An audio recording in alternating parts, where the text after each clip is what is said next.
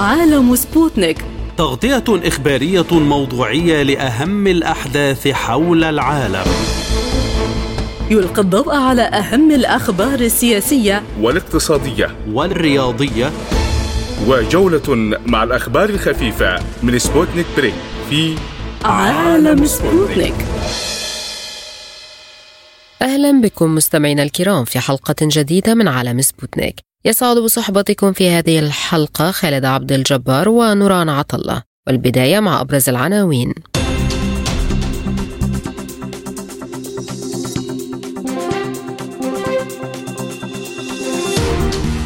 لافروف يحذر من خطط حلف شمال الأطلسي لمنطقة آسيا والمحيط الهادئ. مخاطر من تحلل جثث ضحايا الإعصار في ليبيا واستمرار عمليات الإنقاذ ومنع الدخول إلى درنا. وفد رسمي من مفاوضي أنصار الله يجري محادثات في الرياض بشأن إنهاء الصراع في اليمن. الولايات المتحدة توقع اتفاقية شراكة دفاعية واقتصادية مع البحرين. اتفاق بين إيران وواشنطن بوساطة قطرية على تبادل سجناء والإفراج عن أموال مجمدة.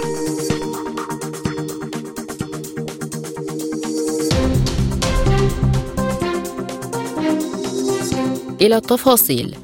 حذر وزير الخارجية الروسي سيرجي لافروف من أن خطط حلف شمال الأطلسي للتأثير على منطقة آسيا والمحيط الهادئ تشكل خطرا على هذه المنطقة. وأضاف لافروف في مؤتمر صحفي مع نظيره وزير خارجية ميانمار أن الخطر هنا يكمن في خطط الناتو للتسلل إلى منطقة آسيا والمحيط الهادئ ووضع قواعده هناك. وأشار لافروف إلى أنه في قمة شرق آسيا التي عقدت مؤخرا في جاكرتا تحدثت جميع دول المنطقة بشكل لا لبس فيه لصالح الحفاظ على بنية تتمحور حول آسيان وأضاف سنواصل دعمهم بنشاط في هذا الأمر وكان لافروف قد حذر في تصريحات سابقة من خطر عسكرة منطقة آسيا والمحيط الهادئ على خلفية تغلغل الناتو في المنطقة. وعلى صعيد آخر قال وزير الخارجية الروسي إن موسكو ستدرس جميع المقترحات الجاده لتسوية الصراع في أوكرانيا إذا كانت تلبي المصالح المشروعة لروسيا. للمزيد من التفاصيل ينضم إلينا من بيروت سيادة العميد ناجم لاعب الخبير العسكري والاستراتيجي. بعد التحية يعني ما هي الدول التي يمكن أن يستهدفها حلف الناتو ليضع قواعد هناك كما يحذر لافروف آه، طبعا العدائية التي تتصرف بها واشنطن تجاه آه، منطقة آه، المحيط الهادي وشرق آسيا واضحة ويعني ليست مخفية ضد كوريا الشمالية ضد الصين وبالتالي ضد روسيا هذا الموضوع يعني حاول مد نوع من ناتو أو ردع يعني آه، ردع صاروخي تشكيل مجموعة ردع صاروخي تمتد من كوريا الجنوبية والى آه، اليابان إلى الهند وقد أشركت آه، أستراليا يبدو ببحريتها في هذا الموضوع. يعني هذه العدائية واضحة للعيان تتصرف بها الولايات المتحدة بتشكيل جزء من ناتو آه، في المنطقة آه، آه، لتكبير الأوهام بحق تقدم الصين وتقدم كوريا الشمالية في هذا الاتجاه في الاتجاه العسكري وفي الاتجاه الاقتصادي. تخشى الولايات المتحدة هذا الموضوع. تخشى تطور البريكس. تخشى فقدان سيطرتها على تلك المنطقة لذلك تحاول مد جسورها إلى المنطقة عبر إعادة تسليح عبر الانتشار في كوريا الجنوبية 40 ألف عسكري وقواعد عسكرية عبر آه، الوجود آه، في فيتنام وفي آه، تلك المناطق ويعني تسليحهم بأحدث أنواع الأسلحة الأمريكية هذا الموضوع هو عمل عدائي بحق دول المنطقة. ما هي فرص تهديد الحلف بإشعال التوتر في هذه المنطقة؟ اليوم لم يعد يعني كل هذا لم لم يعد الأمر متروك ما تخوضه روسيا من حرب ضد الإرهاب وضد الناتو يعني هو بالتعاون مع دول المنطقة مع كما رأينا بدول شنغن يعني كل تلك الدول هي واعية لهذا الموضوع وأعتقد أن لا فرص للولايات المتحدة بإعادة تسوير الوضع بحجة موضوع تايوان وموضوع إعادة تايوان إلى الحضن الصيني وبالتالي لا يوجد فرص كبيرة أمام الولايات المتحدة إذا ما حضنت روسيا والصين وكوريا الشمالية حضنت الدول الضعيفة في المنطقة وابعدت الخطر الأمريكي. هل التحركات الأمريكية مع تايوان ثم فيتنام مؤخرا تنذر أيضا بصدام ما قريب؟ يعني من المؤسف أن فيتنام هوشيمين فيتنام التي قاومت والتي كانت مثالا لكل حركات التحرر في العالم هانوي ويعني مؤسف أن تصبح في الحضن الأمريكي وتستوعب الاستثمارات الأمريكية وبحجة يعني هذا هذا الاستثمار الأمريكي في فيتنام عسكرها و يعني اليوم وافقت أمريكا على تزويد فيتنام بالأف 16 وبالتالي هذا الموضوع خطر على دول المنطقة أن تصبح فيتنام قاعدة أمريكية. اليوم في كوريا الجنوبية نرى المظاهرات دائما عند التجديد للقواعد الأمريكية. يخرج الشعب الكوري في مظاهرات ويفرض ويرفض التجديد للقواعد الأمريكية في المنطقة. من المؤسف أن تكون فيتنام هي إحدى المحطات الأمريكية القواعد الأمريكية المستقبلية في المنطقة. وهذا يهدد طبعا التعاون الذي يحصل عسكريا والمناورات التي تحصل وتشرك فيها فيتنام وفلبين وكوريا. الجنوبية. هذا واليابان. هذا دليل يعني عدائية تجاه الدول المتحررة والتي لفظت الاستعمار سابقا. يعني هذا الموضوع لا يمكن أن يثمر لأن الدول أصبحت واعية وحتى كوريا الجنوبية كما قلت لك رفضت الوجود الأمريكي وننتظر أن يتم تحقيق إعادة تايوان إلى إلى شعبها إلى شعب تايوان إلى دولته إلى الصين. هذا الموضوع أعتقد هو ما يزعج الأمريكيين ولست أدري ما هي مصلحة أمريكا في هذا الموضوع. يعني هذا شعب واحد في دولتين ممكن أن يعود إلى إلى دولته. هذا يجب أن يحصل. أعتقد أن الولايات المتحدة تحاول إعادة يعني عسكرة المنطقة وبالتالي مثلا سمحت لليابان التي كانت ممنوع عليها التسلح سمحت لها بالتسلح الحديث ووضعت استراتيجية تسلحية لخمس سنوات لليابان بشكل يشكل خطر على دول المنطقة وعلى الدول المتحررة.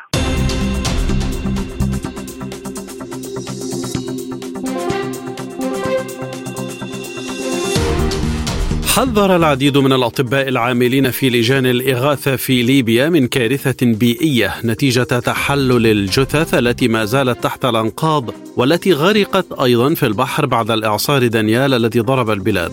وطالب الأطباء بمجموعات متخصصة في المسح البيئي والمساعدة في عمليات انتشال الجثث ودفنها في أسرع وقت. من ناحية أخرى قالت منظمة الأمم المتحدة للطفولة اليونيسيف الخميس إن نحو 300 ألف طفل تأثروا بتداعيات الإعصار دانيال وأسفر عن سقوط الآلاف وتسبب في دمار واسع النطاق. وأوضحت يونيسيف في بيان أن المنظمة تحتاج إلى 6 ملايين و500 ألف دولار بشكل عاجل لتقديم الدعم للأطفال ومساعدة الأسر بالمناطق المنكوبة بشرق ليبيا.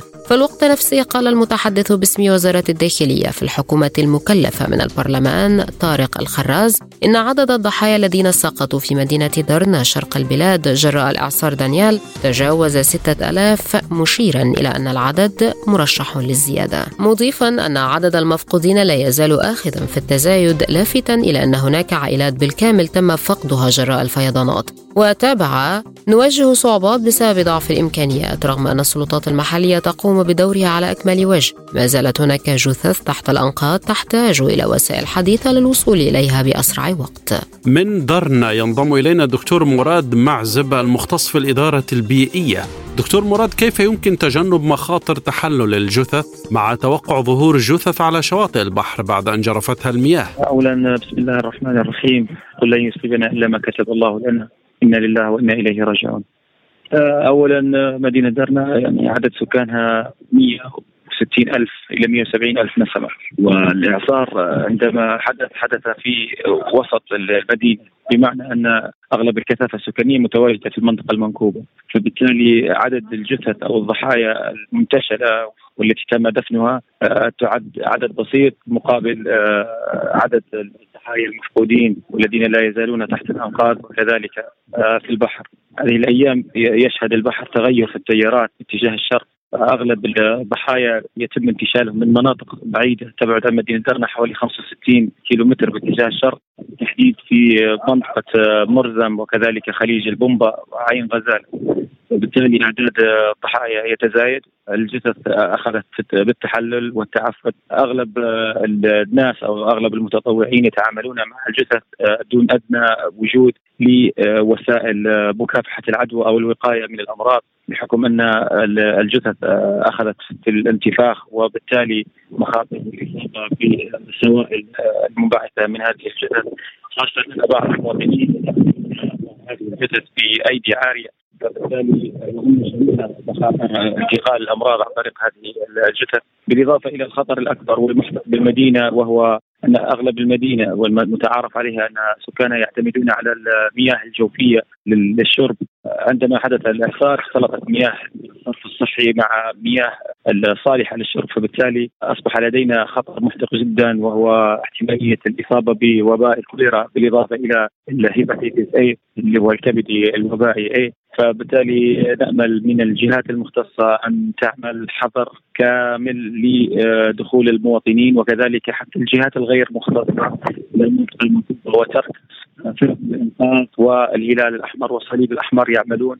بحرية أكثر ليتم تدارك الموقف قبل حدوث كارثة. لكن هل المدينة معرضة لكارثة طبية جديدة في ظل الأجواء الحالية من استمرار عمليات الإنقاذ وتواصلها في حين وصلت الجثث إلى مرحلة التحلل؟ نعم يوجد يوجد تخبط داخل داخل المدينة لأن أسر الضحايا لا يزال لا يزالون يبحثون عن المفقودين من ضحاياهم وبالتالي هذا المشهد اربك فرق الإنقاذ الدولية وكذلك فرق الإنقاذ المحلية. أنا متواجد الآن في مقبرة مرتوبة تبعد مدينه درنا حوالي 20 كيلومتر، هذه المقبرة استقبلت إلى الآن عدد 860 جثمان حتى آخر تم دفنه البارحة. أحد الجثامين قد وصل إلينا ومن الواضح أنه قد توفي قبل يوم واحد أي بمعنى أن هناك أن هناك مشكلة في عملية الإنقاذ ناجم عن وجود المواطنين وكذلك ناجم عن وجود أجهزة غير مختصه داخل المنطقة المنكوبة. وبالتالي من هنا أوجه نداء إلى الجهات المختصة إلى الجهات صاحبة الشأن باتخاذ الإجراءات ليتم تدارك الموقف وإنقاذ بعض العالقين تحت تحت الأنقاض. لا يزال الأمل موجود الأمل في الله عز وجل. لكن لدينا مثال وهو زلزال تركيا وكذلك زلزال سوريا. الناس تخرج تحت الأنقاض بعد 10 أيام بعد 12 يوم وبعد 15 يوم. فبالتالي أملنا في الله عز وجل أن يوجد هناك بعض الناجين. لكن نريد من الجهات المختصة عمل حظر كامل على المناطق المنكوبه خاصة أن هناك مباني آيلة للسقوط. ويوجد يوجد خطورة أيضا على المواطنين أو المتطوعين الذين لا يملكون أي خبرة في مجال الإنقاذ والبحث. الخطر الأكبر كما ذكرت هو المتمثل بانتشار الأوبئة والأمراض عن طريق مرض الكوليرا. لا قدر الله في في مياه الشرب وكذلك الأمراض المنتشرة عن طريق عدد الجثث الهائل يعني عدد الضحايا. في هذه المنطقة أو الضغط السكاني في هذه المنطقة لا يقل عن 40 إلى 45 ألف نسمة. عدد الجثامين مثل ما سلف ذكره يعد عدد قليل جدا مقابل أعداد الضحايا الموجودين. دكتور مراد هل وصلت مساعدات كافية إلى درنا سواء عربيا أو دوليا؟ ما شاهدناه الآن فرق إنقاذ من من تركيا من مصر من إسبانيا. هم تشوفين في الميدان بمعنى أصح. فيما يخص المساعدات الإنسانية. تتوالى بعض المساعدات من جمهورية مصر وكذلك يعني أغلب الدعم يأتي من ليبيا يعني مجهودات محلية مجهودات يعني تنادت جميع المدن جميع المناطق في ليبيا وبدأت قوافل الإعانات خط لا ينقطع من أول يوم إلى الآن. لكن المشكلة الأكبر أن المدينة قد انقسمت إلى جزئين بمعنى أن الفيضان قسم المدينة إلى جزئين جزء شرقي وجزء غربي وأصبح من الصعب بمكان الوصول إلى الضفة الأخرى من المدينة إلا بقطع مسافة حوالي 45 كيلو متر إذا أردت أن تت... يعني تنتقل من الجزء الشرقي إلى الجزء الغربي والعكس. فبالتالي أغلب الإعانات تأتي إلى الجزء الغربي. الجزء الشرقي توجد لدينا بعض المشاكل خاصة الإمداد الطبي فيها بحكم مثل ما ذكرت فيما يخص الجثامين التي يتم انتشالها على مسافة حوالي 65 إلى 70 كيلومتر باتجاه الشرق من مدينة درنا. بحكم أن تيار الرياح هذه الأيام يعني مشير إلى أنه رياح شمالية شرقية وبالتالي أغلب سكان هذه المناطق ومثل ما ذكرت منطقة المرزم، منطقة البومبا، منطقة التميمي أو عين الغزالة وحتى مدينة طبرق لا يملكون المعدات والأدوات اللازمة للحماية والوقاية من الأمراض وكذلك للتعامل مع الشتامين التي يتم انتشالها بصورة صحيحة. طيب على صعيد الكارثة البيئية هل توجد مساعدات متخصصة لتجنب تلك الكارثة بسبب تحلل الجثث؟ فيما يخص المساعدات المختصة نأمل من الله عز وجل أن يلهم يعني الجهات المختصة بترك الجهات صاحبة التخصص الأصيل وتركهم يعملون داخل الميدان لكي يتم إنقاذ ما يمكن إنقاذه وكذلك تفادي حدوث كارثة بيئية جديدة وهي انتشار الأمراض والأوبئة بين المواطنين المتواجدين فنأمل منهم أن يقوموا بتفعيل يعني يقوموا بتفعيل الحظر حتى على المناطق المنكوبه لأن يوجد خطر كبير جدا. وكما ذكرت أن أغلب سكان مدينة درنا يعتمدون على المياه الجوفية وقد اختلطت فعلا بمياه الصرف الصحي. كذلك أصبح المياه الوحيد لديهم ملوث. الأمر الأخير الذي أود التنويه إليه ترك فرق الإنقاذ وترك الفرق والجهات المختصة تعمل بأريحية لكي يتم تدارك الموقف.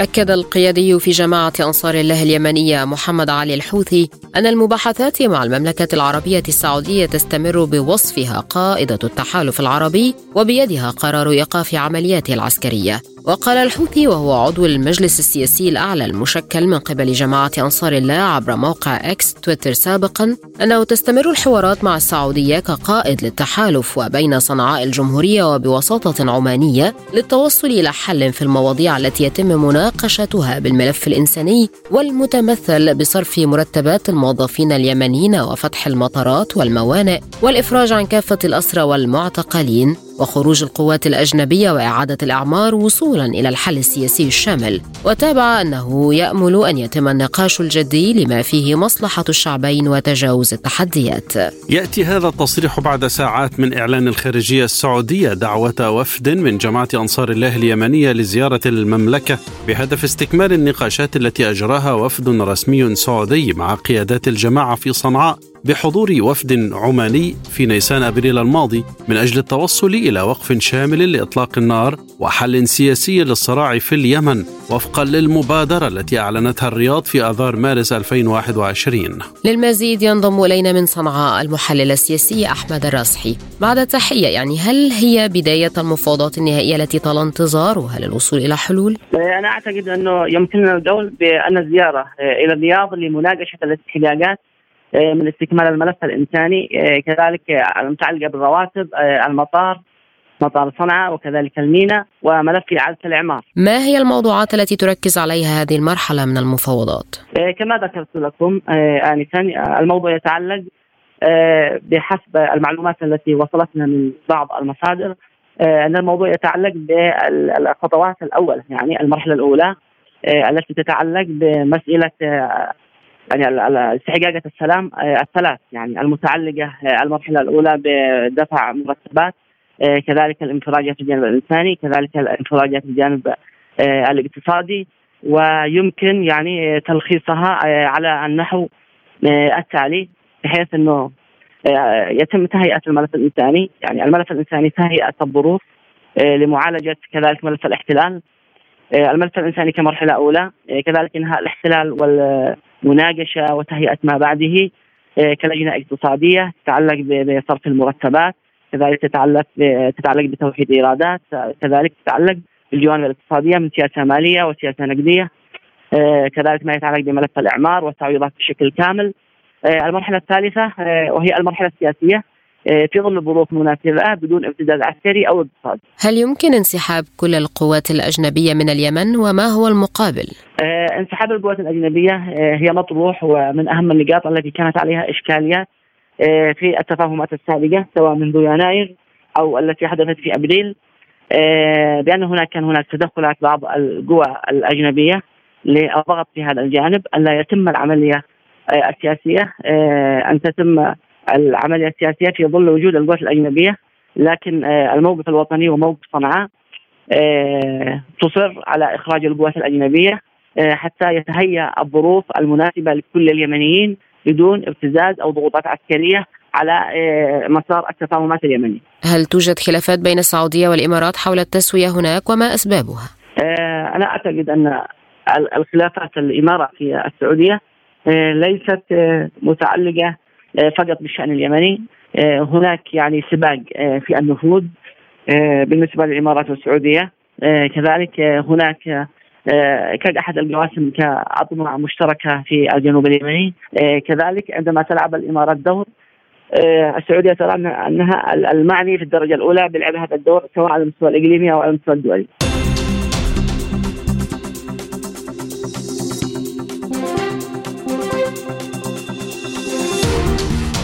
وقعت الولايات المتحدة والبحرين اتفاقية استراتيجية أمنية واقتصادية. وقال وزير الخارجية الأمريكي أنتوني بلينكين إنها ستوسع نطاق التعاون في مجالات الدفاع والمخابرات بين البلدين ووقعت الاتفاقية خلال اجتماع في وزارة الخارجية الأمريكية بين بلينكين وولي عهد البحرين ورئيس وزرائها الأمير سلمان بن حمد آل خليفة. وقال بلينكين للصحفيين قبيل مراسم التوقيع في جوهر هذه الاتفاقية هدف مشترك العمل معا من أجل منطقة أكثر امنا ورخاء وأشد ارتباطا بالاقتصاد العالمي.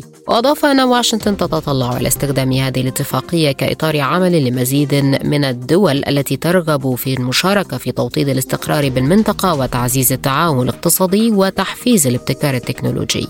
ويتمركز الأسطول الأمريكي الخامس بالفعل في البحرين ويوجد بها أيضا مقر القيادة المركزية للقوات البحرية الأمريكية وينتشر الآلاف من أفراد الجيش الأمريكي في البحرين التي تعد أحد الحلفاء الرئيسيين لواشنطن من خارج حلف شمال الأطلسي وقد وصف مسؤولون أمريكيون الاتفاقية بأنها ملزمة قانونا لكنها لا تنطوي على المادة الخامسة المتعلقة بالدفاع المشترك والتي تشكل جزءا من معاهده حلف شمال الأطلسي. من المنامه ينضم إلينا أمجد طه الرئيس الإقليمي للمركز البريطاني لدراسات وأبحاث الشرق الأوسط.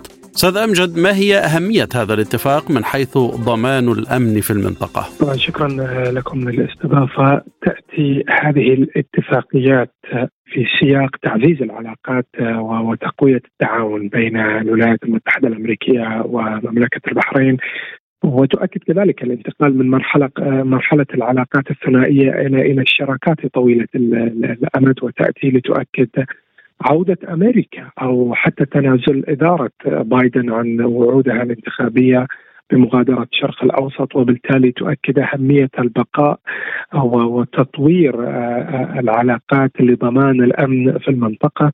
ننسى هنا تعتبر البحرين كذلك جزءا من من المنطقة الاستراتيجية للخليج العربي وإبرام آه، اتفاقية دفاعية اقتصادية مهمة وقد آه، تمنح الولايات المتحدة قاعدة كذلك ثابتة لتأمين مصالحها ومصالح حلفائها في في المنطقة والعكس صحيح. لكن هل يمكن أن يؤدي ذلك إلى دور أمريكي أقوى في الخليج؟ إبرام من مثل مثل هذه الاتفاقيات يعكس التزام أمريكي أكبر في المنطقة ويشير إلى إلى إلى إلى دور أمريكي أقوى وأكثر استقرارا في المستقبل ولكن طبعا هذا كله رهن المستقبل آه، وهل ستكون أمريكا آه، وفية كما هي آه، اليوم مع أوكرانيا على أقل تقدير إلى هذه اللحظات. هذا كله رهن المستقبل لا ننسى هناك وهو مهم جدا إن الاتفاقية تشمل في مضامينها ردع التهديدات كل التهديدات ولا تتطلب كذلك موافقة الكونغرس الأمريكي. وهذا مهم جدا لأن أحيانا في السابق كنا إن إن الإدارة تريد الإدارة البيت الأبيض تريد أن تتحرك في صالح حلفائها في الخليج العربي ولكن الكونغرس هو من كان يعطل مثل هذا آه، مثل هذه التحركات وبالتالي هذه آه، مضامين جدا مهمة أن هذه المرة بهذا الاتفاق لا تتطلب موافقة الكونغرس. على صعيد آخر ما هي الأهداف التي تسعى المنامه لتحقيقها من وراء هذه الاتفاقية؟ تبحث البحرين اليوم دائما عن عن تقوية علاقاتها الإقتصادية والتجارية مع مع الولايات المتحدة كما لا ننسى هنا أن أمريكا ستساعد في تطوير آه، محطات آه، طاقة آه، نووية صغيرة لتستخدمها البحرين كجزء من انتقالها إلى إلى إلى الطاقة النظيفة وهي بحاجة ذلك. وقد تصبح نموذجا ل يعني هذا النموذج من الاتفاقيات سيصبح نموذجا للاتفاقيات القادمة في الشرق الأوسط على مستوى دعم الطاقة وكذلك الدفاع والازدهار، قد نرى كثير من سيلتحق بمثل هذه الاتفاقيات. هل تحتاج البحرين إلى ضمانات من واشنطن حتى يتم تنفيذ ما تم الاتفاق عليه مع الجانب الأمريكي؟ هو هنا الاتفاقية فيها ضمانات ضمانات كثيرة وعديدة فيما يخص الدعم الدعم الامني وكذلك الاتفاقيات الاقتصادية فهنالك تعاون واعتقد هناك سيستمر هذا التعاون فيما يخص التهديدات وإن كانت من يعرقل أحيانا هذا الأمر الكونغرس الأمريكي وبالتالي آه، وضعت هذه النقطة في في في في مضامين آه، هذه الاتفاقية أن لا يعرقل أو لا لا لا يحتاج البيت الأبيض ل لضمان من الكونغرس الأمريكي للتحرك فيما يخص ردع التهديدات. وهي النقطة واضحة أن سيتم آه، التشاور مع مملكة البحرين في كيفية الرد على أي تهديدات. أستاذ أمجد طه أشرتم إلى تحقيق الأمن في المنطقة ضد كافة التهديدات. هل لهذه الاتفاقية علاقة بإيران؟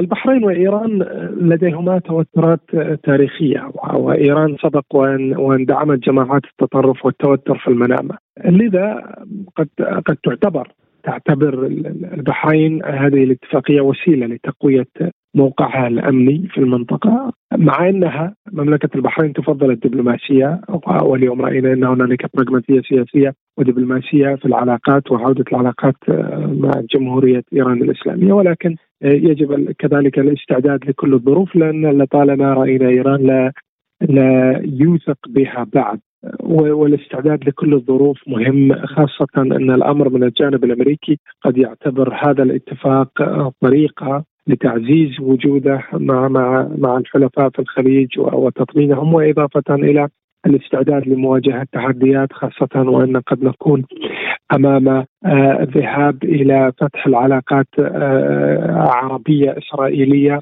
في آه، التطبيع وقد تكون هنالك ردة فعل من بعض الميليشيات الإرهابية أو الأنظمة التي تقف ضد السلام في المنطقة. وبالتالي يجب أن تكون كل السيناريوهات وكل الاستعدادات ومثل هذه الاتفاقيات تضمن ذلك.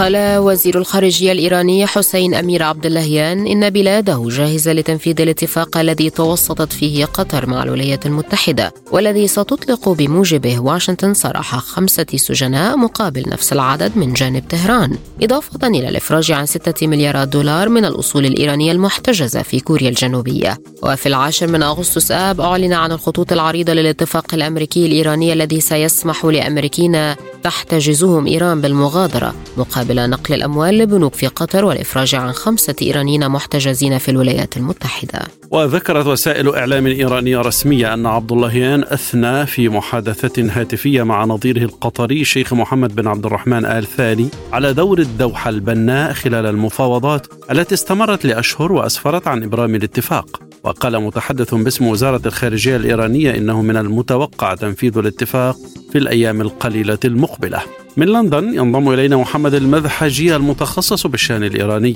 أستاذ محمد ما هي آه، ملابسات هذا الاتفاق وكيف تم التمهيد له؟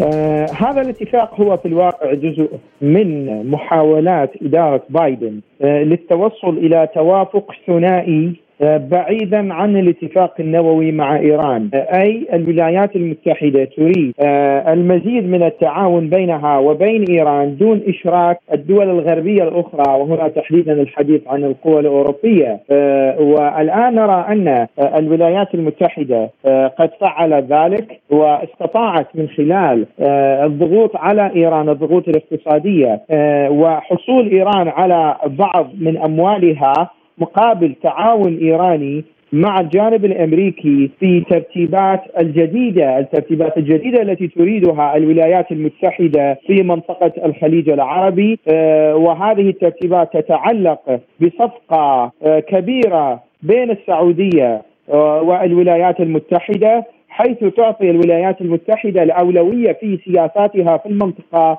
إلى السعودية. بدلا عن الدول الأخرى آه، وما كان يفضي إليها الاتفاق النووي آه، كما قاله غاري سيك حينها أن الاتفاق النووي سيفضي إلى أن تكون إيران شرطي المنطقة من جديد، لكن هذا الموضوع يبدو أنه قد انتهى أي مفعول الاتفاق النووي أو ما تسميه إيران بروح الاتفاق النووي قد انتهى والآن على إيران أن أن تكون أو تنسق مع الرياض وليس العكس. آه، ومن هنا نرى أن إيران الآن تحصل على هذه الأموال تفرج عن سجناء أمريكيين. هم بالواقع مواطنون إيرانيون آه، لكنهم يحملون الجنسية الأمريكية آه، مقابل هذه المقايضات الأخرى التي لم يتم الإعلان عنها في وسائل الإعلام. لكن في ضوء المعطيات من المستفيد الأكبر من هذه الصفقة؟ آه، طبعا المستفيد الأكبر اقليميا سيكون ستكون السعودية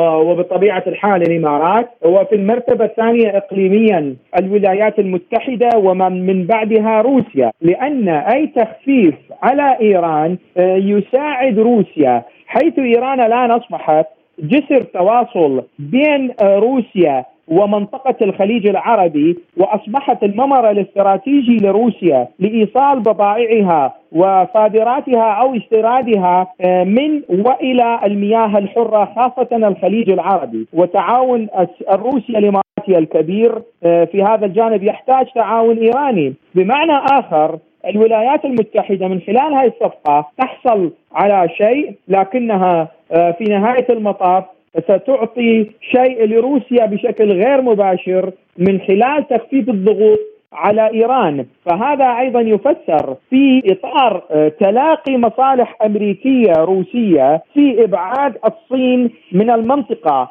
لأن زحف الصين واضحا سيكون في في ضرر سيصب في ضرر الولايات المتحدة. لكنه في نهاية المطاف حلفاء روسيا إن توسعت الصين باتجاه الشرق الأوسط سيصبحون حلفاء الصين أي ستتقلص حصة روسيا في المنطقة في حال توسع الصين آه، في منطقة الشرق الأوسط. آه، من هنا نرى أن الولايات المتحدة لا تعارض تخفيف الضغط على إيران حتى تبعد الصين ولو إن كان نتيجة ذلك مساعدة روسيا في أجزاء معينة من اقتصادها. كان هناك حديث عن وفد يضم رئيس البنك المركزي الإيراني زار بغداد بالأمس والتقى مساعدة وزير الخزانة الأمريكية، هل من علاقة؟ آه، بشكل غير مباشر نعم هناك علاقة أو حتى يمكن القول مباشر.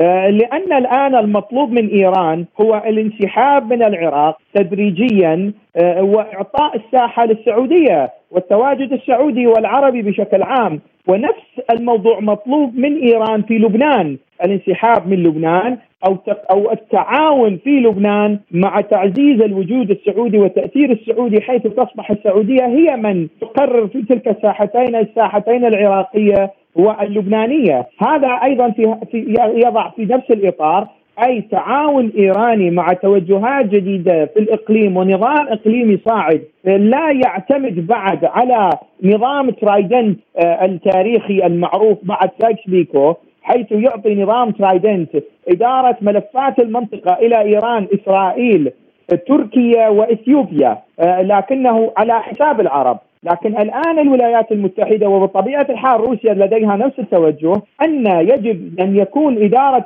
ملفات المنطقة بيد الدول العربية وعلى رأسها المملكة العربية السعودية والإمارات. وهل هناك سجناء آخرين بين البلدين بخلاف من سيتم الإفراج عنهم؟ آه، طبعا هناك بعض السجناء إيران لم تفرج عنهم وتريد الحصول على بعض من سجنتهم الولايات المتحدة بسبب ارتكابهم أعمال تخريبيه في الولايات المتحدة أو سياسية. آه، فموضوع ملف السجناء هو ملف فرعي آه، في هذه المفاوضات. فبالواقع هو غطاء لهذه الصفقات حتى آه، لا يعلنوا عن تفاصيل هذه الصفقات.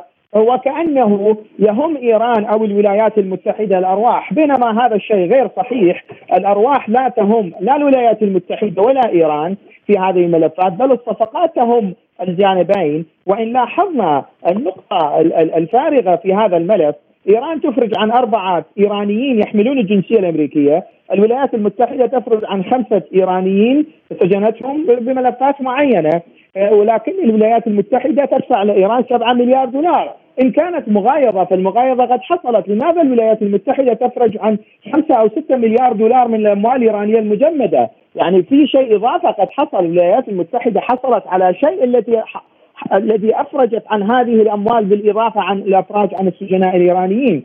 والنقطة الأخرى الغريبة في هذا الملف أن السجناء كلهم إيرانيون بالنهاية آه، ويتم المغايضة على مواطنين إيرانيين وهذه ما يثير السخرية أساسا أن إيران تسجن مواطنيها وتأخذهم كرهائن وتستبدلهم بإيرانيين آخرين مسجونين في الولايات المتحدة فالأمر فيه يعني شيء من آه، من التسخيف شيئا ما من جانب الطرفين أي من جانب إيران ومن جانب الولايات المتحدة. أخيرا أستاذ محمد المذحجي كيف سينعكس هذا التفاهم على الملف النووي المعقد؟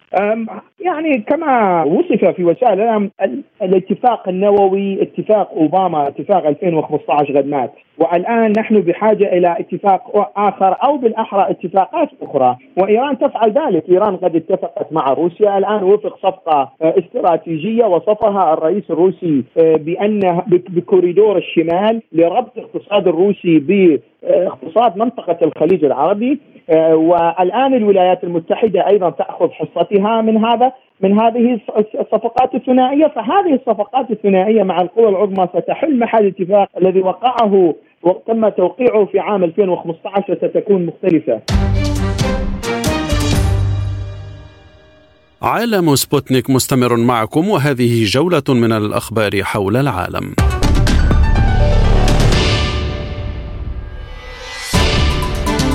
أعلن مدير المركز الصحفي لوحدات مجموعة قوات الشرق التابعة للجيش الروسي أوليغ تشيخوف صد ثلاث هجمات للقوات الأوكرانية على محور جنوب دانيتسك.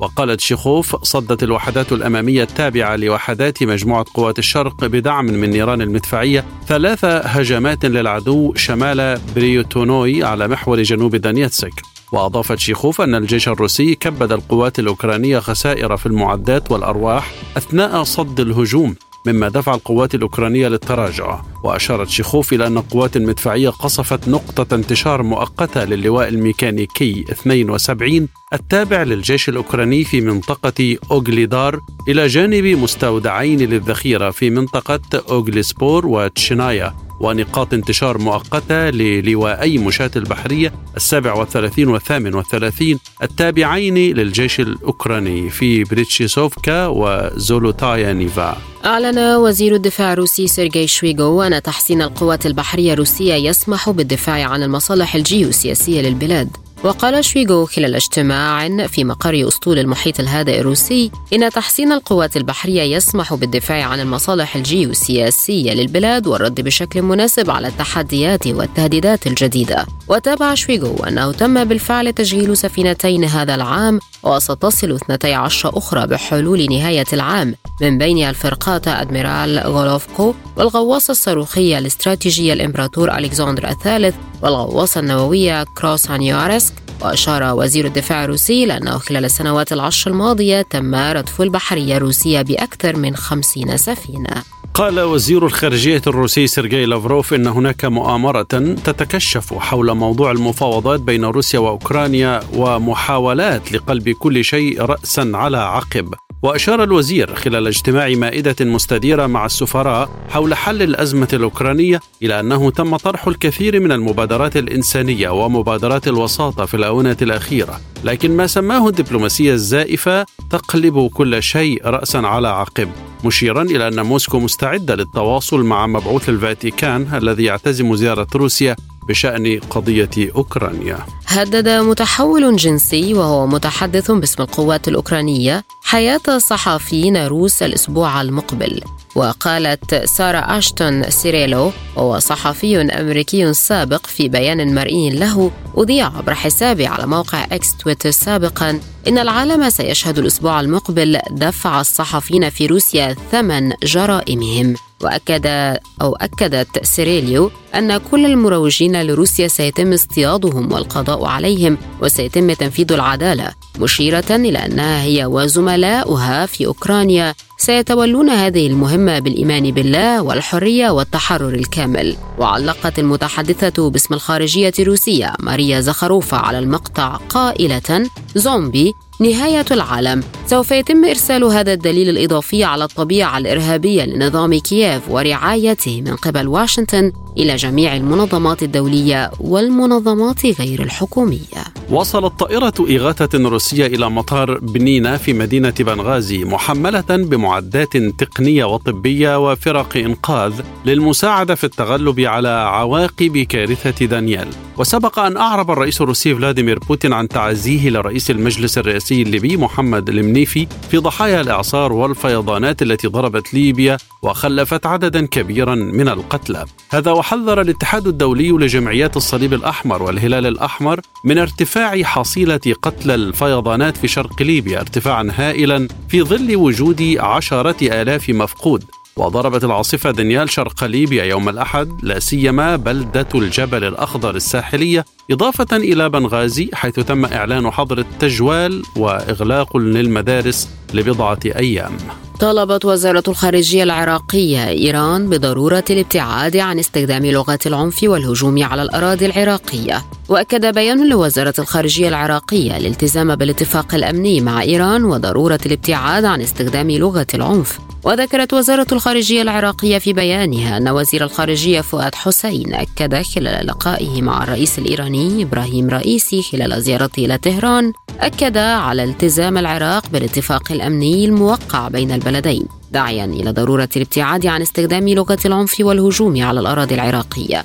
وبحث فؤاد حسين مع رئيس الاتفاقية الأمنية وتنفيذها بالكامل حيث شدد وزير الخارجية العراقي على أن بلاده ستعمل على نزع سلاح المجاميع المسلحة على الحدود العراقية الإيرانية في كردستان العراق داعيا إلى ضرورة أن تقدم إيران ضمانات بعدم التعرض لهم بحسب قوله. ومن جانبه أكد الرئيس الإيراني تطلع بلاده لإقامة أفضل العلاقات مع العراق في مختلف المجالات مجددا التأكيد على أن العراق شريك محترم ومهم لبلاده. شهدت عدة مناطق شرق المغرب هطولا غزيرا للأمطار تسبب بسيول عارمة جرفت السيارات في الشوارع وسط تحذيرات من المديرية العامة للأرصاد الجوية في المملكة. وأفادت الأرصاد الجوية بأن الحالة الجوية في المملكة شهدت تاثرا بكتل هوائية باردة في الأجواء العليا مما أدى إلى تكون سحب غير مستقره وهطول زخات رعدية في مناطق شرق البلاد وجبال الأطلس الكبير والمتوسط وسفوح الجنوب الشرقي.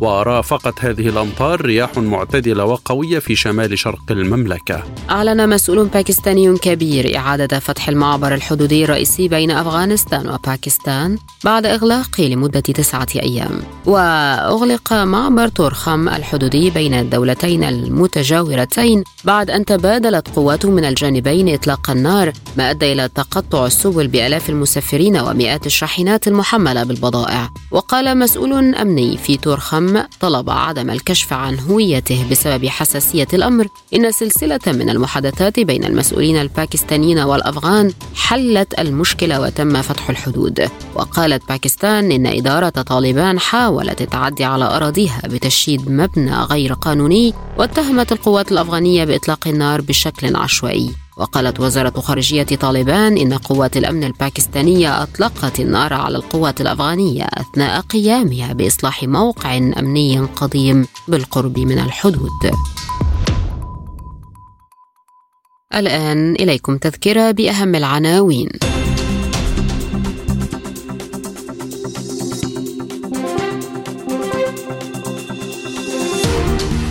لافروف يحذر من خطط حلف شمال الأطلسي لمنطقة آسيا والمحيط الهادئ.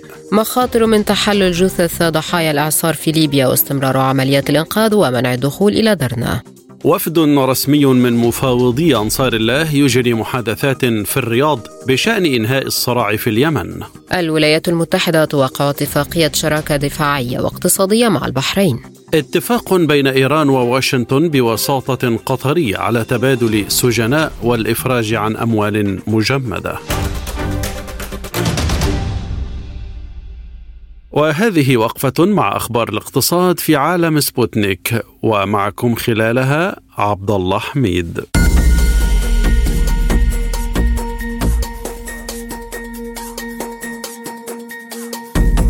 قالت تركيا إنها تقترب من استكمال تقييمات الأضرار التي لحقت بخط الأنابيب الرئيسي الذي يسمح للبلاد باستقبال النفط الخام من العراق وتصديره. وقال وزير الطاقة التركي ألب أرسلان برقدار إن خط الأنابيب جاهز إلى حد ما وسيتم البدء في تشغيله قريبا ولم يكشف الوزير مزيدا من التفاصيل حول موعد استئناف الصادرات عبر ميناء جيهان التركي المطل على ساحل البحر الأبيض المتوسط. أضاف برقدار أن تقييم الأضرار الجاري حاليا بالغ الأهمية لتركيا للدفاع عن نفسها بشكل قانوني إذا طلبت بغداد مستقبلا تعويضات إضافية. كانت تركيا قد أوقفت التدفقات عبر خط الأنابيب في مارس الماضي بعدما أمرتها محكمة تحكيم بدفع مليار ونصف المليار دولار كتعويض للعراق بسبب نقل النفط الكردي دون موافقة بغداد. وأكدت تركيا أن القرار أصبح بيد الحكومة المركزية في العراق وإدارة كردستان التي تتمتع بحكم شبه ذاتي للوصول إلى حل وسط حول كيفية تقسيم عائدات صادرات النفط.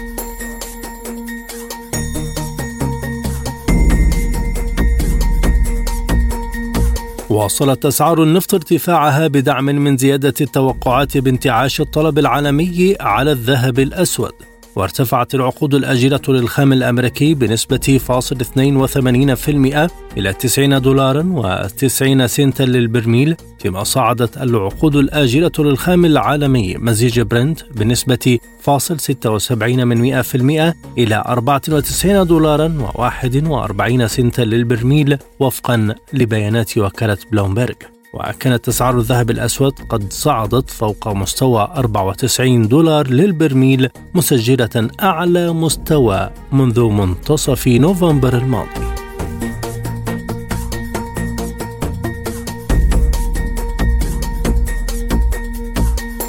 كشفت شيميرا للاستثمار الإماراتية عن إطلاقها شركة جديدة لإدارة الاستثمارات البديلة مقرها أبو ظبي بأصول مدارة تتجاوز قيمتها 50 مليار دولار.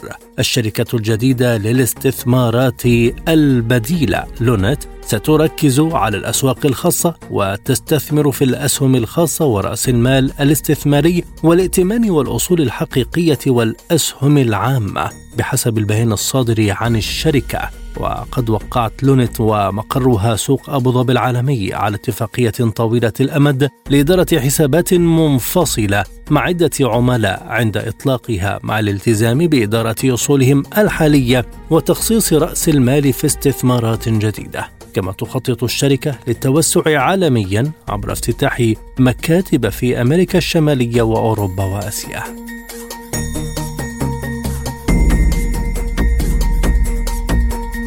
قال الرئيس التونسي قيس سعيد إن البنك الوطني الفلاحي قدم قروضا بالمليارات دون ضمانات تذكر. وأوضح سعيد أنه أعد ملفا يتعلق بعدد من التجاوزات في صلب البنك الفلاحي مستعرضا عددا من الأمثلة على ذلك وأن هذا الملف يؤكد وجود خرق للقانون وإهدار للمال العام التونسي. وضرب الرئيس التونسي مثالا على ذلك بحصول أحد الأشخاص على قرض بنحو 24 مليون دينار من البنك الوطني الفلاحي دون أي ضمانات وبعدها تحصل في العام الحالي على قرض جديد جديد لخلاص فائدة الدين الأول. وأوضح قيس سعيد أن البنك يسند قروضا جديدة للأشخاص أنفسهم لخلاص فائدة الدين وليس من أجل خلاص أصل الدين. في حين أن صغار الفلاحين يقترضون بشروط مجحفة.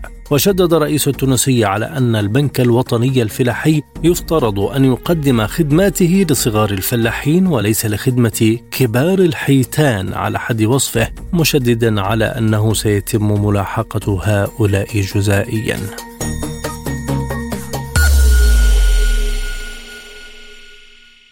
وما زلنا مع عبد الله حميد ووقفة من الأخبار الرياضية. يعيش منتخب الجزائر لكرة القدم بقيادة المدرب جمال بالماضي أزمة حقيقية على الرغم من فوزه الودي على السنغال بهدف نظيف يوم الثلاثاء الماضي على ملعب عبد الله وديانياديو بالعاصمة دكار وبعد العودة إلى الأراضي الجزائرية عقب الفوز على السنغال فجر بالماضي مفاجأة مدوية عن وجود خائن داخل المنتخب الوطني يقوم بتسريب تشكيل المباريات.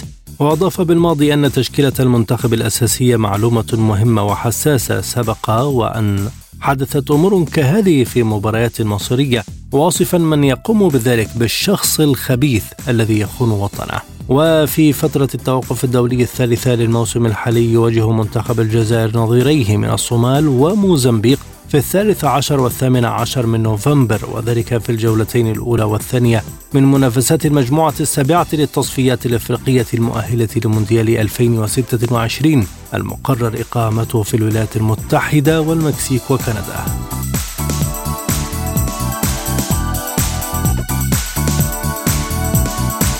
كشف الاتحاد الدولي لكرة القدم عن لائحة المرشحين والمرشحات لجوائزه السنوية من بينها جائزة الأفضل نصفهم من لاعبي مانشستر سيتي الإنجليزي المتوج بثلاثية تاريخية الموسم الماضي الدوري الممتاز وكأس الاتحاد ودوري أبطال أوروبا. يتنافس لاعبو سيتي البلجيكي كيفن دي برون والنرويجي إرلينغ هالاند والأرجنتيني خوليان ألفاريس والإسباني رودري والبرتغالي برناردو سيلفا والألماني إلكاي غوندوغان لاعب برشلونة الإسباني الحالي. على جائزة أفضل لاعب في العالم مع حاملها العام الماضي الأرجنتيني ليونيل ميسي وزميله السابق في باريس سان جيرمان الفرنسي كيليان مبابي. كما ضمت اللائحة لاعب وسط النصر السعودي الكرواتي مارسيلو بروزوفيتش الذي لعب الموسم الماضي مع إنتر ميلان الإيطالي. وجناح نابولي الدولي الجورجي خفيتشا كفاراتسخيليا وزميله في الفريق الدولي النيجيري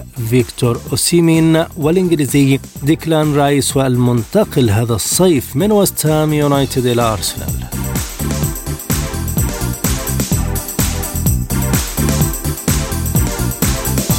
عاد النجم البرازيلي نيمار مهاجم الهلال السعودي إلى التدريبات الجماعية للفريق الأزرق بعد غياب بسبب الإصابة. نيمار لم يشارك حتى الآن في أي مباراة للهلال منذ انضمامه إلى النادي خلال الصيف.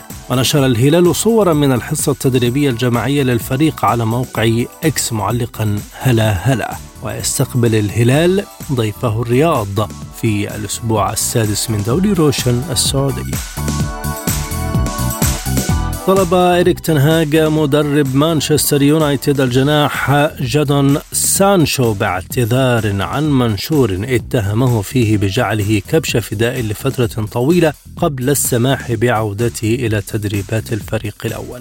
جاء ذلك بعدما أعلن يونايتد أن سانشو يخضع لبرنامج تدريبي شخصي بعيدا عن الفريق الأول في انتظار تسوية مشكلة انضباطية للاعب في الفريق. وأشارت مواقع رياضية إلى أن تنهاج ليس مستعدا للتراجع ولن يسمح بتحدي سلطاته مضيفا أنه يريد من سانشو أن يعتذر إليه وللنادي. سانشو استبعد من تشكيلة مانشستر يونايتد التي استدعيت للمباراة ضد أرسنال الأحد الثالث من سبتمبر وبرر المدرب قراره بضعف الأداء التدريبي للاعب. في اليوم ذاته زعم سانشو في منشور على مواقع التواصل الاجتماعي أنه كان كبش فداء لفترة طويلة معتبرا أن ادعاءات تنهاج غير صحيحة مطلقا. والآن مع الأخبار الخفيفة والمنوعة وسبوتنيك بريك.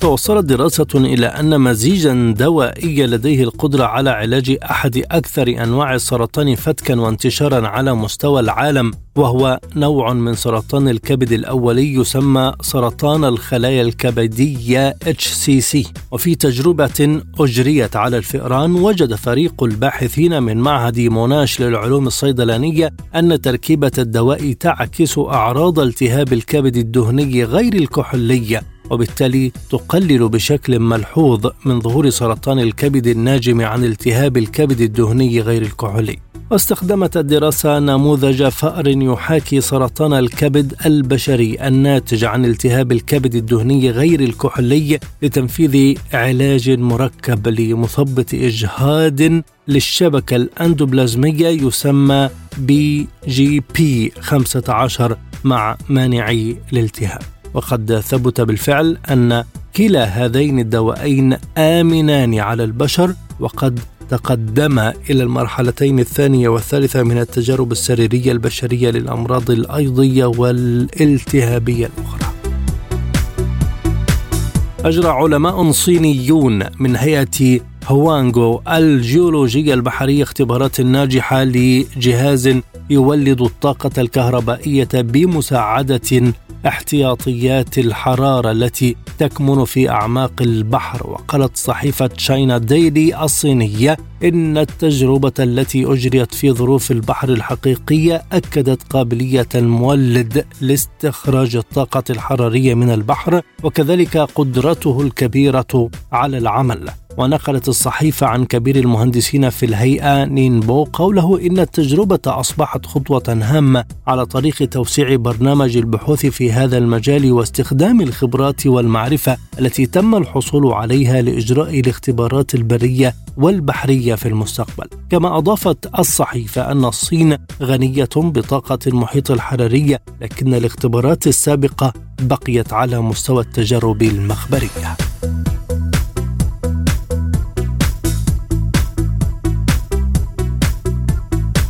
افتتح في مدينة بطرسبورغ المهرجان العالمي الثاني للسيرك بلا حدود حيث يتضمن اليوم الأول للمهرجان المنافسة في 11 فعالية. يقام المهرجان في قاعة السيرك الكبير ويستمر إلى يوم السابع عشر من سبتمبر الجاري ويعتبر هذا السيرك أول سيرك حجري ثابت افتتح في الإمبراطورية الروسية عام 1877 ومنذ ذلك الحين أصبحت من معالم المدينة التي تجذب المواطنين والسياح وقد وصفت وزيرة الثقافة الروسية هذا المبنى بأنه المكان الذي تصبح فيه الأفكار الإبداعية والحرفية ملكية عامة وفي متناول الجميع. وعبرت الوزيرة عن تمنياتها للفنانين بالنجاح وإبهار المشاهدين بفعالياتهم. ورحب رائدا الفضاء الروسيان سيرجي بروكوبيف وكونستانتين بوريسوف بالمشاركين في المهرجان وتمنيا لهم النجاح.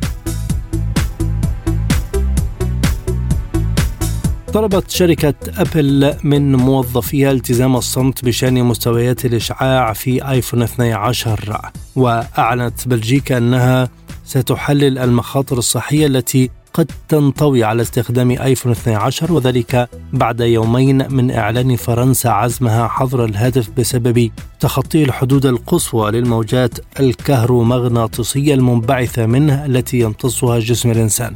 وفقا للتقرير نصحت شركة أبل فريق الدعم الفني التابع لها بعدم تقديم أي معلومات عندما يسأل المستهلكون عن مخاطر الإشعاع وأصدرت تعليمات للعمال بأن يقولوا إنهم ليس لديهم ما يشاركونه. وطلب منهم التأكيد على أنه لا يمكن إرجاع الهواتف أو استبدالها بعد أسبوعين من الشراء. وفي الختام إليكم تذكرة بأهم ما جاء في عالم سبوتنيك هذا اليوم.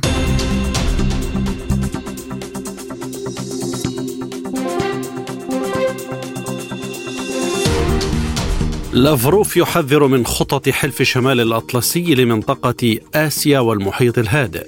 مخاطر من تحلل جثث ضحايا الإعصار في ليبيا واستمرار عمليات الإنقاذ ومنع الدخول إلى درنا. وفد رسمي من مفاوضي أنصار الله يجري محادثات في الرياض بشأن إنهاء الصراع في اليمن. الولايات المتحدة توقع اتفاقية شراكة دفاعية واقتصادية مع البحرين. للمزيد زوروا موقعنا سبوتنيك إلى اللقاء.